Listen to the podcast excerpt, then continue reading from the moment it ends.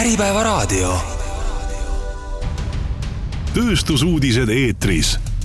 Eesti masinatööstust aitab eest vedada Radius Machining ja usaldusväärne tööjõud tuleb Hansavestist. tere, head kuulajad, algab saade Tööstusuudised eetris. tänases saates pakume kuulamiseks ettekannet, mis kõlas tänavu mai lõpus Pärnu tarneahela konverentsil. Konverentsi teema oli seekord uued ajad, uued riskid ja võimalused konverentsil arutati, mis meil kriisiaastatest õppida on ja millega peaksime tarneahela juhtimises edaspidi arvestama. tarneahelate globaalsest vaatest rääkis elektroonikatööstuse GPV Grupi asepresident võtmeklientide juhtimise alal Kaur Andresson. ja nüüd ongi hea võimalus ettekannet kuulata. head kuulamist! Aga tere hommikust minu poolt, tänane teema, kuidas toimivad äri- ja poliitsuhted ning tarneahelad tulevikus. Äh, ma räägiksin neli erinevat äh, plokki läbi äh, lühidalt taustast, millised on minu kogemused selles valdkonnas. Ja ma võib-olla rõhuksin just selle peale, mis me praktikas näeme, kuidas seda toimivad. Ja põhjus võib-olla või kust see kogemus nagu tuleb, minu töö selles firmas, mille nimi on GPV, me kuus kuud tagasi Eestis tegutsesime nime all Enix ja oktoobris eelmine aasta siis kaks firmat ühinesid, GPV ja Enix, ja praegu siis jätkame nii-öelda firma nime all GPV Äh, minu vastutada on hoopiski müügipool, et meil on kuskil nelisada klienti, äh, nendest kolmteist klienti on nii-öelda suured kliendid, kes annavad siis umbes äh, poole ettevõtte käibest ja minu vastutada on just nimelt siis kliendi, kliendisuhete pool nende suurte klientide, klientidega. Ja mis see kokkupuude tarneahelaga on, on see, et kõik need kliendid on tegelikult oma valdkonna maailma absoluutselt tippettevõtted. Ja väga huvitav on istuda nii-öelda siis teisel pool lauda inimestega, kes juhivad äh, globaalseid tarneahelaid ja tihtipeale kõik need tegevused, mida nemad teevad, äh, ütleme nii, et ettevõtted, järg-, väiksemad ettevõtted äh, võtavad neid üle, ütleme siis kolme, viie või rohkemagi aasta pärast, et äh, väga huvitav on olla nii-öelda kogu aeg selle supply chain'i, supply chain'i eesliinil. firma suurus, meil on üheksateist tehast, me asume kolmeteistkümnes riigis, eelmise aasta käive oli kaheksasada miljonit eurot ja see aasta me plaanime teha üks koma kaks miljardit. See kasv tegelikult tuleb äh, ühinemise tulemusena, see ei ole ainult äh, nii-öelda orgaaniline kasv, meil on üle kaheksa tuhande töötaja ja see toode, mida me teeme, on tegelikult, äh, paneme kokku erinevaid elektroonikaasju, ka kaableid, mehaanikat, et piltlikult öeldes noh, kui te hommikul olite hotellis, siis tõenäoliselt sõitsite liftiga alla, alla äh, sööma või tulite välja, siis lift oli tehtud kone poolt ja suure tõenäosusega see, see elektroonika, mis seal sees on, see on siis tehtud ka meie poolt. et äh, samamoodi, kui te lülitate hommikul valguse sisse, siis äh, see tuleb kusagilt elektrijaamast, tuleb elekter ja kusagil seal vahel on meie poolt tehtud elektroonika. et see on need tooted, mida me nagu teeme. Eestis äh, me just nädal tagasi tähistasime huvitavat nii-öelda numbrit, meil sai tuhat töötajat Eestis täis, ehk meil on tuhat inimest, need asuvad Elvas. Äh, kui teate, Selvas on kuskil kuus tuhat inimest, nii et äh, see on päris suur, päris suur arv. Et minu teada me oleme suurim, suurim tehas Lõuna, Lõuna-Eestis kindlasti, kui mitte üks, kindlasti üks suuremaid ka Eestis. Ja Eestis meie käive eelmine aasta oli sada kaheksakümmend üheksa miljonit, äh, sada kaheksakümmend üheksa miljonit eurot.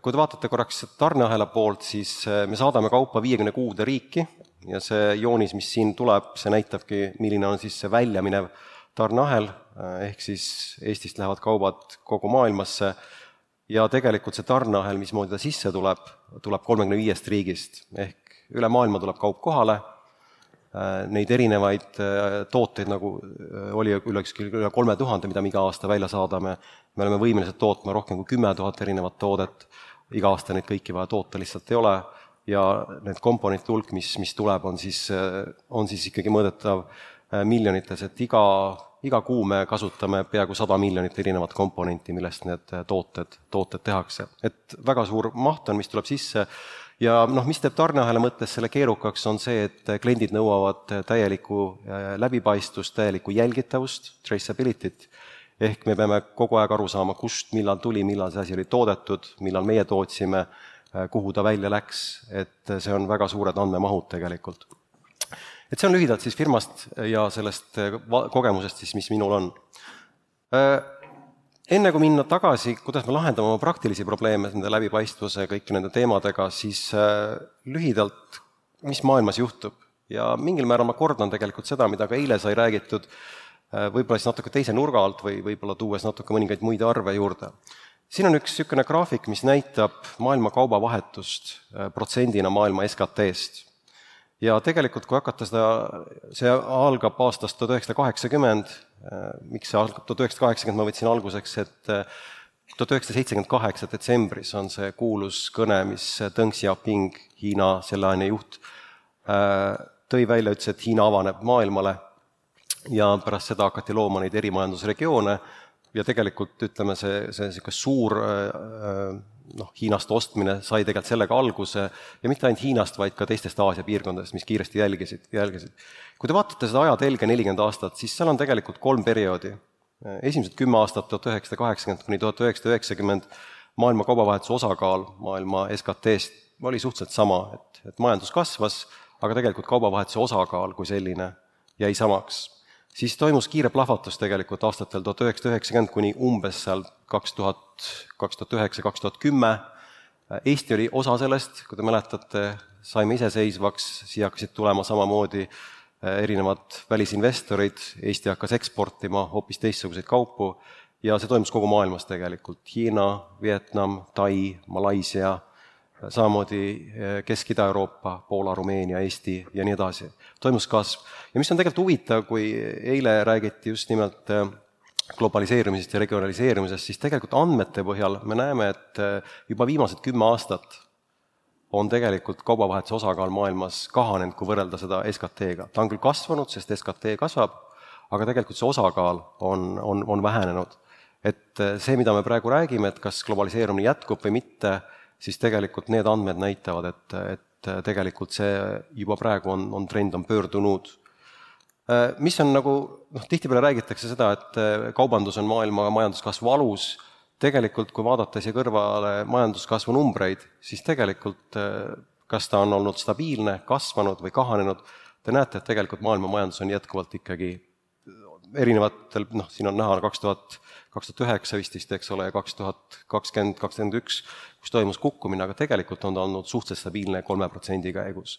et tegelikult ma tahaks lihtsalt ütelda, et äh, see globaliseerumine, on öeldud, et tihtipeale see aitab kaasa, aga nende andmete põhjal me näeme, et, et majanduskasv sõltub hoopis ka teistest asjadest ja see ei ole kõige olulisem äh, nüüd tekib küsimus, et kas see trend jätkub ja mis seal nagu juhtuma hakkab. et kui me vaatame neid mõjusid just nimelt tarneahelatele ja arengute mõju tarneahelatele, siis äh, päris palju asju on juhtunud, mis äh, me nagu ei saa võib-olla aru sellest, sellest, et aga meie maailm on ikkagi viimase kümne aastaga väga palju juht-, muutunud äh, ma tooks välja niisugused paar niisugust märksõda, mis on mõjutanud just elektroonikatööstust, et esimene huvi-, noh, huvitav katastroof, ma ei saa, kõlab halvasti, aga see oli selline üks esimene äratus, äratushetk oli see, kui juhtus see õnnetus tuumaelektrijaamas ja tarneahelal oli selline huvitav mõju, et tuli välja üks kriitiline kemikalitehas, asus kolmkümmend kilomeetrit sellest, sellest elektrijaamast, mis oli sunnitud evakueeruma.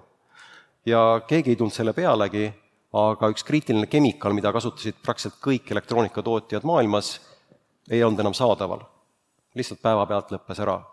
Äh, probleem tegelikult leidis lahenduse ja, ja nii-öelda see ei jõudnud nagu edasi, äh, aga see oli niisugune suur ehmatus, kus tuli välja, et äh, firmad, kes otsustavad näiteks, et ma ostan mingit kaupa kahest kohast, et mul on nagu risk maandatud, siis need kaks tema tarnijat ostsid üht kaupa kõike ühest tehasest ehk piltlikult öeldes pudelikael oli ikkagi, ikkagi olemas. Äh, samal aastal juhtus äh, üleujutused Taimaal ja tuli välja, et suur osa maailma kõvaketastest toodetakse just nimelt seal nendes tehastes, mis asuvad Bangkoki lähistel. Äh, see oli selles suhtes ka jällegi ehmatus, aga Tai inimesed olid hästi leidlikud, tehased tavaliselt olid kahekorruselised ja siis oli huvitav kuulda, et et esimene korrus on üle ujutatud, aga me töötame teisel korrusel. et koju, koju ei pääsenud, aga tööd sai teha ja, ja kaup läks paatidega välja. mis järgne, kaks tuhat seitseteist sai võimule Donald Trump ja juba eile mainiti, oli, hakkasid suhted selgelt halvenema Äh, Hiina ja Ameerika vahel tekkisid tollid, tekkisid sellised erinevad piirangud, noh praeguseks me oleme jõudnud olukorda, kus teatud kaupu ei tohi, eks ole, Hiina üldsegi müüa, äh, see nõuab jällegi seda, et kui me midagi müüme, siis me peame täpselt teadma, kuhu see kaup läheb, äh, samamoodi kui me midagi ostame, me peame teadma, eks ole, et kust see kaup tuleb nagu, ja see asi samamoodi tegelikult äh, jätkub ja suure tõenäosusega see asi ei lähe paremaks, äh, pigem toimub selline suuna nagu erinevus. Kaks tuhat üheksateist, Covid, samamoodi väga äkitselt tarneahelad jäid seisma, eks ole, ja kõige hullem, mis sellega oli see, et kohati jäid mingid tehased seisma, kohati jäid mingid riigid seisma, et äh, väga keeruline oli leida alternatiive, kui terve riik on, eks ole, kinni näiteks ja, ja siis äh, ei ole, ja, ja teises olukorras jällegi oli konkreetselt mingi tehas näiteks kinni, et et väga palju oli probleeme. ja noh, samamoodi just tuli välja uudis, eks ole, et maailma Äh, tervishoiuorganisatsioon on teatanud, et Covidi pandeemia kui selline on, on läbi, aga meil just näiteks eelmine nädal, äh, iga, iga nädal me käime läbi ja meil näiteks on Tai tehases on kuuskümmend inimest, on praegu jällegi Covidis, eks ole, et, et sellised asjad, nad jäävad, et lihtsalt me oleme harjunud selle mõjuga, aga, aga nad jäävad nagu. ja tõenäoliselt äh, jällegi noh, kui vaadata, mis näiteks, kus Hiinast, kust see alguse sai, nad tegelikult ju aastaid-aastaid üritasid seda asja kontrolli all hoida, mäletan, üks äh, töökaaslane äh, helistasime ja ütles, et äh, ta oli eile käinud Kaubanduskeskuses, kus kolm päeva tagasi oli käinud keegi, kes oli kokku puutunud Covid-haigega ja nüüd ta on karantiinis. et see oli nagu üks äärmus ja siis läks kuu aega mööda ja järgmisest kõnest teadsid, et nüüd on nad kõik Covidis, kuna lihtsalt riik tehti lahti ja lasti kõigil nii-öelda see haigus läbi põdeda. et selles suhtes nagu väga, väga kiired muutused ja ma arvan, et see pilt on see, mida te näete järgmised kümme aastat mingisugusel kujul igal konverentsil, et äh, laevad kipuvad, äh, kipuvad pöörata, eile Mark näitas teise nurga alt, aga tegemist on täpselt sellesama laevaga. ja jät-, jätkuvalt kaks tuhat kakskümmend kaks, eks ole, Ukraina sõda nagu. Äh, mis ma tahan nagu ütelda tegelikult sellega, on kirjas siin. me oleme üha rohkem mõjutatud sündmustest, mida on raske ette näha ja võimatu kontrollida.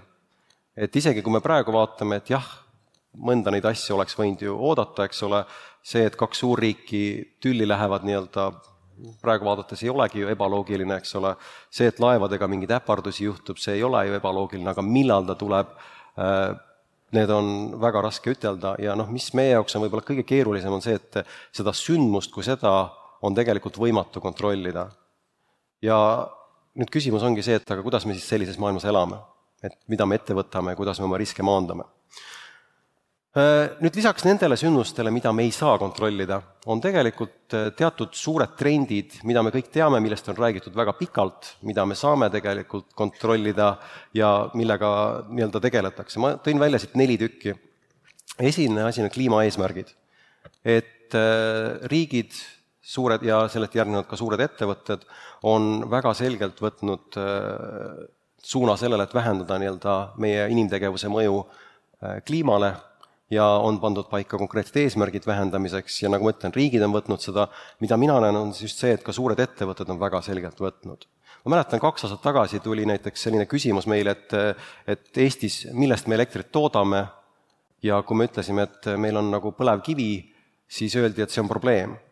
et kui sa toodad põlevkivist, siis on see CO2 nii-öelda õhku paiskamine äh, suur ja see ei vasta selle firma äh, eesmärkidele oma CO2 jalajälge vähendada ja mõtledki, et noh, et, et kui ma toodan, siis mul on lihtsalt oluline, et mul oleks elekter olemas, aga tegelikult tuleb välja, et on oluline ka, kustkohast seda elektrit eh, või millest seda elektrit toodetakse, ja kui seda toodetakse valest asjast, siis klient võib ütelda, et vabandust, ma ei saa Eestist, Eestist eh, kaupa osta, kuna see mõjutab halvasti minu CO2 eesmärki. et sellised väiksed nüansid hakkavad tulema. teine asi, eh, mis firmad teevad, on riski maandamine, on olulisem kui kulud, jällegi sõltub valdkonnast, eile oli huvitav, kui ma ei eksi, siis äh, Evelin ütles seda, et äh, inimesed on huvitatud äh, nii-öelda rohelisest asjadest, juhul kui see ka on hea hinnaga. Mis meie näeme tihtipeale, on see, et, et meie, meie nii-öelda elektro-, ilma elektroonikata midagi ei liigu, eks ole. elektrijaam ei tööta, rong ei sõida, mis tähendab seda, et see elektroonika osakaal hinnas on väike, aga ütleme, tema mõju on suur ja ma näen, et teatud valdkondades on väga selge, kus tegelikult tõesti riski maandamine on olulisem kui kulud. ja samamoodi ütleme, kui te võib-olla teete oma tooteid ja noh, teie marginaalid on suhteliselt kõrged, siis äh, tõesti, hoiategi kõrgemaid laovalu, varusid, et mitte kaotada müüki. et äh, see on teie viis, eks ole, seda riski maandada. Nüüd elektroonikas ei ole see alati nii võimalik, et hoiame, hoiame suuri lao just nimelt jääke, noh või noh, no hea näide on, ütleme, kui mingi elektrijaamad või rongid on, eks ole, et noh, te ei hoia laos neid lihtsalt, neid tehakse alati tellimuse peale. siis see võtmeküsimus tarneahela mõttes on alati, et kus kohas see risk maandatakse. ja noh, kõik asjad ei ole nii-öelda keeruline saada, mõningad asjad on hästi, hästi saada, aga teatud kriitilised asjad tuleb aru saada, kus on pudelikaelad. ja hästi oluline on see, mis eile ka mitu korda räägiti, oli just see, see noh, see nähtavus, et end-to-end -end supply chain, et et jah, teil lõpptoodang võib olla, ütleme, lift või, või rong, aga tuleb välja, et tegelikult kriitiline on kuskil mingi kemikaal, mida toodetakse kusagil täiesti teises maailma otsas, et riski maandamise puhul on hästi oluline saada enne kontrolli alla see, see nähtavus nagu transpordikulud kasvavad ja see ka ei soodusta nii-öelda globaliseerumist, sest kui te toote asju, tassite asju ühest maailma otsast teise, siis see lisab kulusid. Ja kui transpordikulud hakkavad mõjutama oluliselt toote hinda, siis te lihtsalt kaotate konkurentsivõimelust. Äh, palgaerinevused vähenevad, jah, eile me nägime statistikat, kus India, Malaisia, Tai on ikkagi odavamad. Äh, kui ütleme siis näiteks Eesti, äh, Poola, äh, Hiina, aga tegelikult need palgaerinevused vähenevad järjest, järjest vähenevad. ja ütleme, üks suur põhjus, miks, noh, kaks põhjust, miks hakati tootma Hiinas, üks oli hind, aga teine oli ka tööjõu saadavus, siis tegelikult hind hakkab nii-öelda erinevate piirkondade vahel vähenema, see hinnaerinevused hakkavad vähenema. Ja ütleme, see töö, tööjõu saadavus siis ka tegelikult muutub, et, et Hiinas näiteks tööealine elanikkond väheneb, Äh, ja tõenäoliselt siis äh, tarneahelad liiguvadki teistesse piirkondadesse, kus on, kus on äh, tööjõudu saada rohkem, noh, ma arvan, et me järgmisena kuuleme, kuidas on Indias ja üks eelis seal on kindlasti see tööjõud. Nendest tulenevalt on vaja strateegilisel tasemel lahendada siis kolm asja, regionaalne ja globaalne, kas te ostate oma regioonist või globaalselt, kuidas te lahendate läbipaistvuse ja vastupidavuse? Ja üks teema on siis nagu sustainability kui ma vaatan neid kolme asja ja ma proovin seda tuua just nagu oma praktilise seisukoha poolt, et äh, kolm asja, kui te mäletate, eile Mark tõi ka välja kolm asja, siis oli, keegi rääkis kolmest vajalikust asjast idufirmale, et kas te teate, miks on alati kolm? mul on ka kolm asja. et äh, ah, tegelikult Evelin tõi välja viis asja, kui ma ei eksi, temal oli viis õppetundi, mis tal oli nagu, et et äh, seal on praktiline põhjus kolm on selles suhtes nagu selline hea number, et äh, jäävad, jäävad meelde, noh, mul on ka hommikul, ma pean riidesse panema lapse lasteaeda viima ja siis tööle minema, eks ole, et kolm asja on vaja ära teha, et paar aastat tagasi oli vaja riidesse panna laps lasteaeda ja teine laps äh, kooli, kolm sai täis, siis mõnikord unustasid tööle minna. Äh, noh, õnneks oli Covid, eks ole, siis said helistada, et kuule, et ma hommikul köhisin, et ma täna ei tule. et ei olnud suurt nagu paha. aga tegelikult on seal praktiline põhjus ja ma olen seda just müügi poole pealt õppinud, et kui te inimestele midagi räägite, ja kui te ütlete, et mul on üks väga hea asi ja siin on kümme põhjust, miks ta on hea, siis tegelikult äh, on tehtud uurimusi ja näidatud, et enam ei usuta seda. et kui te peate kellelegi midagi seletama, siis on alati hea rääkida kahest, maksimum kolmest asjast ja üle selle tavaliselt, äh, tavaliselt inimesed enam ei usu nagu. et sellepärast ma piirdun ka kolmega, nagu ma usun, et neid tegelikult Neid trende on veel, aga ma räägiksin just seda ja teine põhjus, miks ma räägin, olen need kolm valinud, on see, et ma näen, et meie klientide jaoks on need kolm kõik väga olulised. alustame esimesest, regionaalne või siis globaalne hange.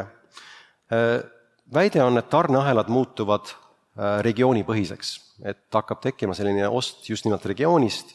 Ja ma panin siia kolme oma kliendi äh, nii-öelda supply chain strategy, et esimene klient on ütelnud selliselt, et nende strateegia tarneahelas on see, kaheksakümmend protsenti ostetakse hinna järgi mis tähendab seda, et näiteks kui me Eestis suudame pakkuda kõige paremat hinda, siis me võime müüa seda kaupa üle maailma. meie hind on parim ja ta läheb kõikjale.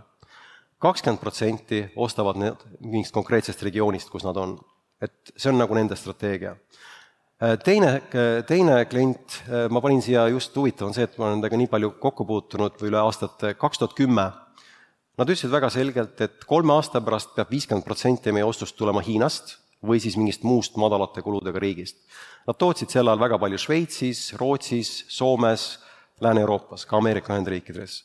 ja neil oli väga ülevalt antud korraldus, et ta ost peab muutuma selliseks et, et viiskümmend protsenti tuleb siis nii-öelda kas cost competitive või siis low cost, mis iganes äh, nagu terminit kasutatakse. kümme aastat edasi, kui me rääkisime nendega aastal kaks tuhat kakskümmend, ja, ja tähendab, selle tagajärg oli see, et äh, sel ajal ma ise juhtisin Hiina tehast ja nad tulidki sinna, ütlesid, et nad on väga rahul Šveitsi kvaliteediga, hind on nende jaoks ka veel okei okay Šveitsis, aga neil lihtsalt on peakontorist üteldud, et tuleb osta Hiinast ja jutul lõpp. ja nad tulid sinna ja tõid selle tootmise, tootmise Hiina. Äh, aastal kaks tuhat kakskümmend hakkasid nad tootmist ära viima Hiinast. ja põhjus on see, et tuli uus strateegia ja strateegia nende sõnastus on selline, Euroopas toodetakse Euroopa jaoks, Ameerikas toodetakse Ameerika jaoks, Aasias toodetakse Aasia jaoks ja Hiinas toodetakse Hiina jaoks, et on väga selgelt nii-öelda neli regiooni äh, ja tarneahel on ehitatud siis selliselt, et kõik, mis selles regioonis on vaja, ostetakse ka sellest, sellest regioonist. kolmas klient, kellega just kaks, äh, kaks kuud tagasi äh, aru, rääkisime, nad rääkisid oma strateegiast ja nad ütlevad väga selgelt, et viie aasta jooksul, aastatel kaks tuhat kakskümmend üks kuni kaks tuhat kakskümmend kuus, ost Euroopast kahekordistub iga kahe aasta jooksul ja see tähendab väga selgelt, et nad toovad lihtsalt äh, tootmist, tootmist jällegi äh, Euroopasse vastavalt oma strateegiale. ja nende suurte ettevõtetega on see, et äh, kui nad midagi on otsustanud, see on nagu suur laev, nad pööravad oma tarneahela, see ei muutu hetkega, aga kui see nii-öelda nina on pööratud teise suunda, siis tegelikult see määrab nende kursi niisuguseks järgmiseks viieks kuni kümneks aastaks. et see, mis on üles kirjutanud, et Eesti ettevõtete jaoks loob see uusi ärivõimalusi, kuna lihtsalt äh, strateegiline otsus on, et, et toodetakse siin regioonis, äh, samas ta suurendab ka tööjõuvajadust. et seesama põhjus, meil oli, aasta tagasi oli meil kuskil seitsesada inimest tööl, äh, praegu on meil tööl tuhat inimest ja noh, no ütleme ausalt, et me võiksime järgmise paari aasta jooksul teise tuhat inimest veel palgata, lihtsalt probleem on see, et kus need inimesed leida nagu ja teine probleem, mis tegelikult on ja ma tahan ütelda, miks nagu näiteks need suured ettevõtted nii agressiivselt seda teevad, nad saavad just nimelt aru sellest, et tegelikult äh, seda tööjõudu ei ole nii vabalt saada. kui nemad liiguvad esinemesena, siis nad saavad nii-öelda oma selle, selle strateegia rakendatud ja need ettevõtted, kes jäävad hiljaks, nad võivad ka tulla nii-öelda, ütlevad, ma tahan nüüd ka Euroopas teha, aga lihtsalt ei ole kusagilt toota lihtsalt seda tootmisvõimsust ei ole, eks ole, inimesi ei ole. ja ma näen just seda, kui ma võrdlen nii-öelda suuri ette, suuri kliente, kes meil on, kõik suured kliendid liiguvad väga agressiivselt selles suunas ja väiksed kliendid vaatavad, et noh, ma toodan Hiinas praegu, eks ole, kõik on okei okay,, milleks ma midagi muudan. ja ma tahan öelda seda, et kui nad üks hetk ärkavad, eh, mis iganes juhtub seal, ja leiavad, et nüüd tuleb ära liikuda, siis see võib olla nende jaoks hiljaks. ja miks on see probleem selle tööjõuga, kui te vaatate, ma loodan, et need numbrid on õiged, eh, ma üritasin otsida kui palju inimesi tegelikult Hiinast toodab ekspordiks. ja see number on, mis ma leidsin, on sada kaheksakümmend miljonit inimest töötavad iga päev Hiinas selle nimel, et kaupa eksportida. et see on nagu päris suur nud- ja see, ütleme, see kogu väärtus, mis see ekspordiga väärtus on, neil on kolm koma viis triljonit USA dollarit, et see on tegelikult meeletu maht, et ütelda lihtsalt, et et viime selle Hiinast ära kuskile muude regiooni, see tähendab seda, et kusagil mujal on vaja leida sada kaheksakümmend miljonit inimest ja, ja Eestis on see keeruline. teine teema tarneahela läbipaistvus ja vastupidavus. Äh, tehnoloogia on jõudnud järele firmade vajadustele, et see, tegelikult kõik on aru saanud, et äh, see on oluline teema ja seda on vaja nagu, aga ei ole olnud töövahendeid. ja noh, kui te vaatate sedasama pilti, mis ma siin nüüd panin alla, ülemine pilt näitab, kui palju on olnud Google'i otsing. Äh, viimase viie aasta, viimase nelja aasta jooksul on viis korda rohkem otsitud seda märksõna supply chain resilience kui te vaatate seda alumist pilti, see näitab nii-öelda seesama, mis ma, kuidas meie tarneahel on, meil on võimalik ka valida üksik toode ja me näeme täpselt ära, kuhu see toode on saadetud ja kust on tulnud sellele tootele kõik materjal. et see on puhtalt tehnoloogia, mis seda tänapäeval võimaldab, andmebaasid äh, registreeritakse ja, ja seda nagu on, see ei ole nii keeruline, ütleme, tehniliselt enam teostada. ja see loob tegelikult uued võimalused sellesama äh, läbipaistvuse juurde. kuidas te saate seda ise ehitada?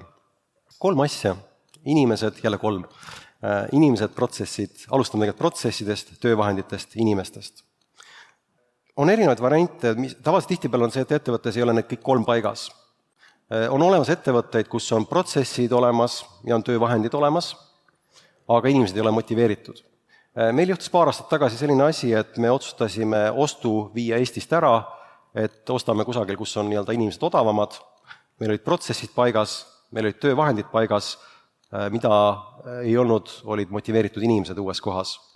ja kui tekkisid raskused, siis sai kell viis ja see inimene pani pastaka laua peale, eks ole, ja läks koju ära, kuigi kusagil te mujal tehas seisis. et see on oht, kui teil on protsessid olemas, töövahendid olemas ja te arvate, et sellest piisab, oht on see, et teil on mittepühendunud tiim. Äh, kui teil on olemas inimesed ja töövahendid, aga seal ei ole protsesse taga, keegi ei tea, mida teine teeb, eks ole, siis on teil organiseerimata tiim ja see on samamoodi oht kolmas variant, teil on olemas motiveeritud inimesed, teil on olemas protsessid, aga mida teil ei ole, ei ole töövahendeid, kõike tehakse kas paberil või Excelis, eks ole, tegelikult see tiim on lihtsalt ebaefektiivne, tehakse väga palju tööd, mida saaks automatiseerida, et ja me peame jõudma tegelikult siia, et meil on olemas nii protsessid, töövahendid kui ka inimesed. selle kolmega tuleb tegeleda, selleks et saada siis tarneahela läbipaistvus ja vastupidavus. paar soovitust, mida me oleme ka rakendanud nagu protsessid tarneahelas, me oleme hästi palju kasutanud skoori, supply chain operations reference modelit, ja kuidas seda kasutada, selles suhtes on just nimelt see nii-öelda see planning, planning'u pool, vastupidavus peab olema nagu sisse kodeeritud. et noh, mida mina olen nagu planeerimise kohta õppinud, on see, et võib-olla on kaks tsitaati, mida võiks tuua, üks on USA president kunagine, Dwight Eisenhower, ta ütles midagi sellist, et plaanid on mõttetud, planeerimine on oluline. või isegi, et planeerimine on hädavajalik. Et ükskõik, mis plaanidega ei teeks, Äh, kui mingisugune probleem juhtub, siis tihtipeale sellest kasu ei ole, aga see planeerimise protsess, mis te tegite, on väga oluline. ja selle kohta on üks teine tsitaat äh, Mike Tysonilt. ma ei tea, kas te olete seda kuulnud, aga tema käest kunagi küsiti, et, et kõik on näinud sinu videosid, kuidas sa boksid, ja neil kõigil on ju plaan olemas, kuidas sinust jagu saada, ja Mike Tyson ütles selle kohta, et äh, kõigil on plaan, kuni nad saavad esimese paugu vastu lõugu ja, ja see kehtib ka täpselt tarneahelas nagu, et te võite need plaanid teha, eks ole, aga midagi juhtub ja tihtipeale see, see plaan läheb, läheb nii-öelda, tuleb alustada nullist. Äh, aga just nimelt, et see planeerimise, planeerimise tegevus, saada aru, mis mõjutab, kus meil riskid on, see on tegelikult ülioluline nagu. ja see läbipaistvus, te peategi läbi käima protsessid, source, make, deliver, return, eks ole, ja vaadata, äh, kuidas see info seal liigub ja kui teil info liigub, teil on võimalik seda infot salvestada, kui teil on info salvestatud, teil on võimalik ta nähtavaks teha mis on planeerimise puhul veel oluline, on see, et tegelikult strateegia pooled, äh, mis, mis ma näen, mida kõik meie kliendid teevad, mida me ka ise teeme, mida ma arvan, et enamus firmasid maailmas teeb, on äh, sourcing'u strateegia peab olema kategooriapõhine, et ei saa kõiki asju osta samamoodi, teatud asjad on suurema riskiga, eks ole, teatud asjad on kallid, teatud asjad on odavad, see strateegia peab olema erinev. tarnijate valikul jah, kaugemale kui ainult hind, vältida sõltuvust ühest tarnijast, seda on lihtsam öelda, kui tegelikult teha sest äh, tihtipeale on see, et kui teil on mitu tarnijat, siis teie kulud lähevad üles, eks ole, äh, teie laovarud kipuvad üles minema ja nii edasi, tekib probleeme. ja mis on ka oluline, et ehitage üles pikaajalised partnerlussuhted. ja viimane võib-olla, mis protsesside koha pealt, mida ma olen näinud, mis on juhtunud viimase niisuguse aastaga äh, kõigi meie suurte klientide puhul, räägitakse SOP-st, Sales and Operational Planning, et ühelt poolt vaadatakse, mida me müüme ja mida me siis äh, mida me siis peame nii-öelda tootma ja ostma vastavalt sellele, eks ole, et seda planeerida tehakse, siis praegu ma näen, et kõigi klientidega, kellega me iganädalaselt käime seda läbi, kõik räägivad sales, inventory, operation ja, ja siis planning, eks ole, et see varud ja kus kohas need varud on, see on nagu hästi-hästi oluline nagu. teine asi, protsessid paigas, töövahendid, äh, mulle meeldib üks meie endine kolleeg, kes äh, töötas IT-s, me töötasime temaga koos ja tema ütleb, et äh, a fool with a tool is still a fool. et seal on tegelikult väga suur tõde nagu, et kui te arvate, et te ostate tarkvara, installeerite ta ära ja teie probleemid on kadunud, siis te eksite. et tegelikult teine asi, mida me IT-s alati ütlesime, et et probleem tavaliselt on selle ekraani ja selle tugitooli vahel. et ei ole probleem selles arvutis ega selles tugitoolis Äh, mida me oleme aastaid-aastaid teinud, on ärianalüüsi tarkvara kasutanud, Klikk, erinevaid tarkvarasid, aga on ka Microsoftilt Power BI, Tableau, neid on päris palju turul. kui te ei kasuta, siis kindlasti võtke see endale nii-öelda plaani ja hakake õppima seda asja, et äh, see ei ole nii, et jällegi, et ma installeerin ja kõik on olemas, aga see nõuab tegelikult arusaamist sellest nagu äh, ja täpselt seesama, et ärianalüüsi tarkvara tegelikult ta võimaldab muuta läbi tarneahela seda nähtavust nagu. ja just nimelt see valmidus on probleem, et see nõuab aega siis äh, teine töövahend, mida tuleks äh, vaadata, on ennustamine. et äh, probleem on just nimelt selles, et kõik ennustus, kõik need tarkvarad võtavad arvesse, et kõik läheb nii, nagu planeeritud.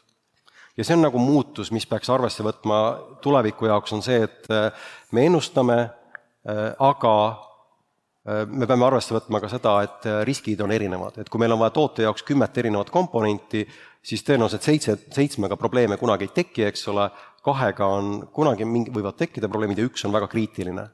ja nii-öelda traditsiooniline lähenemine, ennustamine ei võta seda üldse arvesse. me peame müüma nii palju, selleks on meil vaja kümmet komponenti, tulevad lihtsalt selleks kuupäevaks, reaalsuses nad ei pruugi tulla nagu.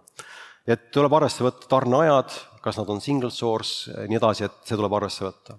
ja üks asi, mis veel on, on varude juhtimine, äh, jällegi kõik need töövahendid, mis on tänapäeval, nad on tegelikult üles ehitatud sellise äh, lihtsama RP loogika, loogikale, mis on ja, ja tulevikus see ei ole nagu piisav, et mida meie oleme hästi palju hakanud kasutama, mida tegelikult süsteemidesse sisse ei ole ehitatud, on full kit rate ja kasutades just nimelt seda days of supply'd nagu et see on nagu see, see on nagu see erinevus. et traditsioonilised ERP ei võimalda seda, me oleme seda pidanud eraldi tegema. ja viimane valdkond, mis ma tahaks ütelda, inimesed, et äh, organisatsiooni struktuuris kategooriatiim ja supplier relationship management tiim, äh, need tuleks olla eraldi, äh, kui te olete, kui ettevõte on väike ja seda ei ole võimalik, siis tuleb inimestele teadvustada, et need on kaks erinevat tegevust ja kõige kriitilisem, mis tegelikult seal on, on see, et te hoolite oma inimestest, et äh, just nimelt kriitilisel ajal on näha, et teil võib olla ükskõik kui hea protsess, teil võivad olla ükskõik kui head äh, töövahendid, äh, kui on mingi jama majas, siis, siis tegelikult ainuke viis seda lahendada on see, et teil on motiveeritud inimesed, kellest on hoolitud. viimane asi, sustainability, mida kõik meie suured kliendid samamoodi nii-öelda suruvad väga, väga palju ja nagu ma ütlen, et meie käest küsitakse, et kui palju kulus CO2 selle toote tegemiseks. ja selline, sellised aruandlust tuleb teha nii-öelda ja ma arvan, et seda hakatakse järjest rohkem nagu küsima ja kui te ei ole võimelised seda andma, siis öeldakse, et me ei saa teie käest osta nagu. Ja need teemad on just nimelt jah, et kas te saate aru oma CO2 kasutusest, energiat, palju teil kulub energiat, pakendite taaskasutust, kahjulikke, et seda raporteerimist tuleb rohkem ja rohkem ja kui te ostate neid asju ja, ja panete nii-öelda tarneahelas, siis te vaatate, kas te selle info tegelikult saate kokku koguda või mitte nagu. Ja sellega tegelikult ongi kõik need kolm asja, mis ma tahtsin, et äh, regionaalne, globaalne, kuidas osta, äh, tarneahela läbipaistvus, vastupidavus, sustainability.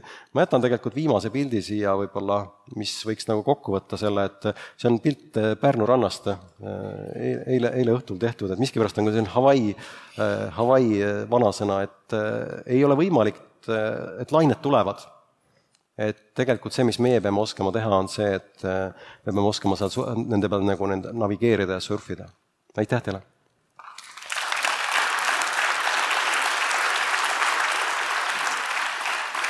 Aitäh, Kaur!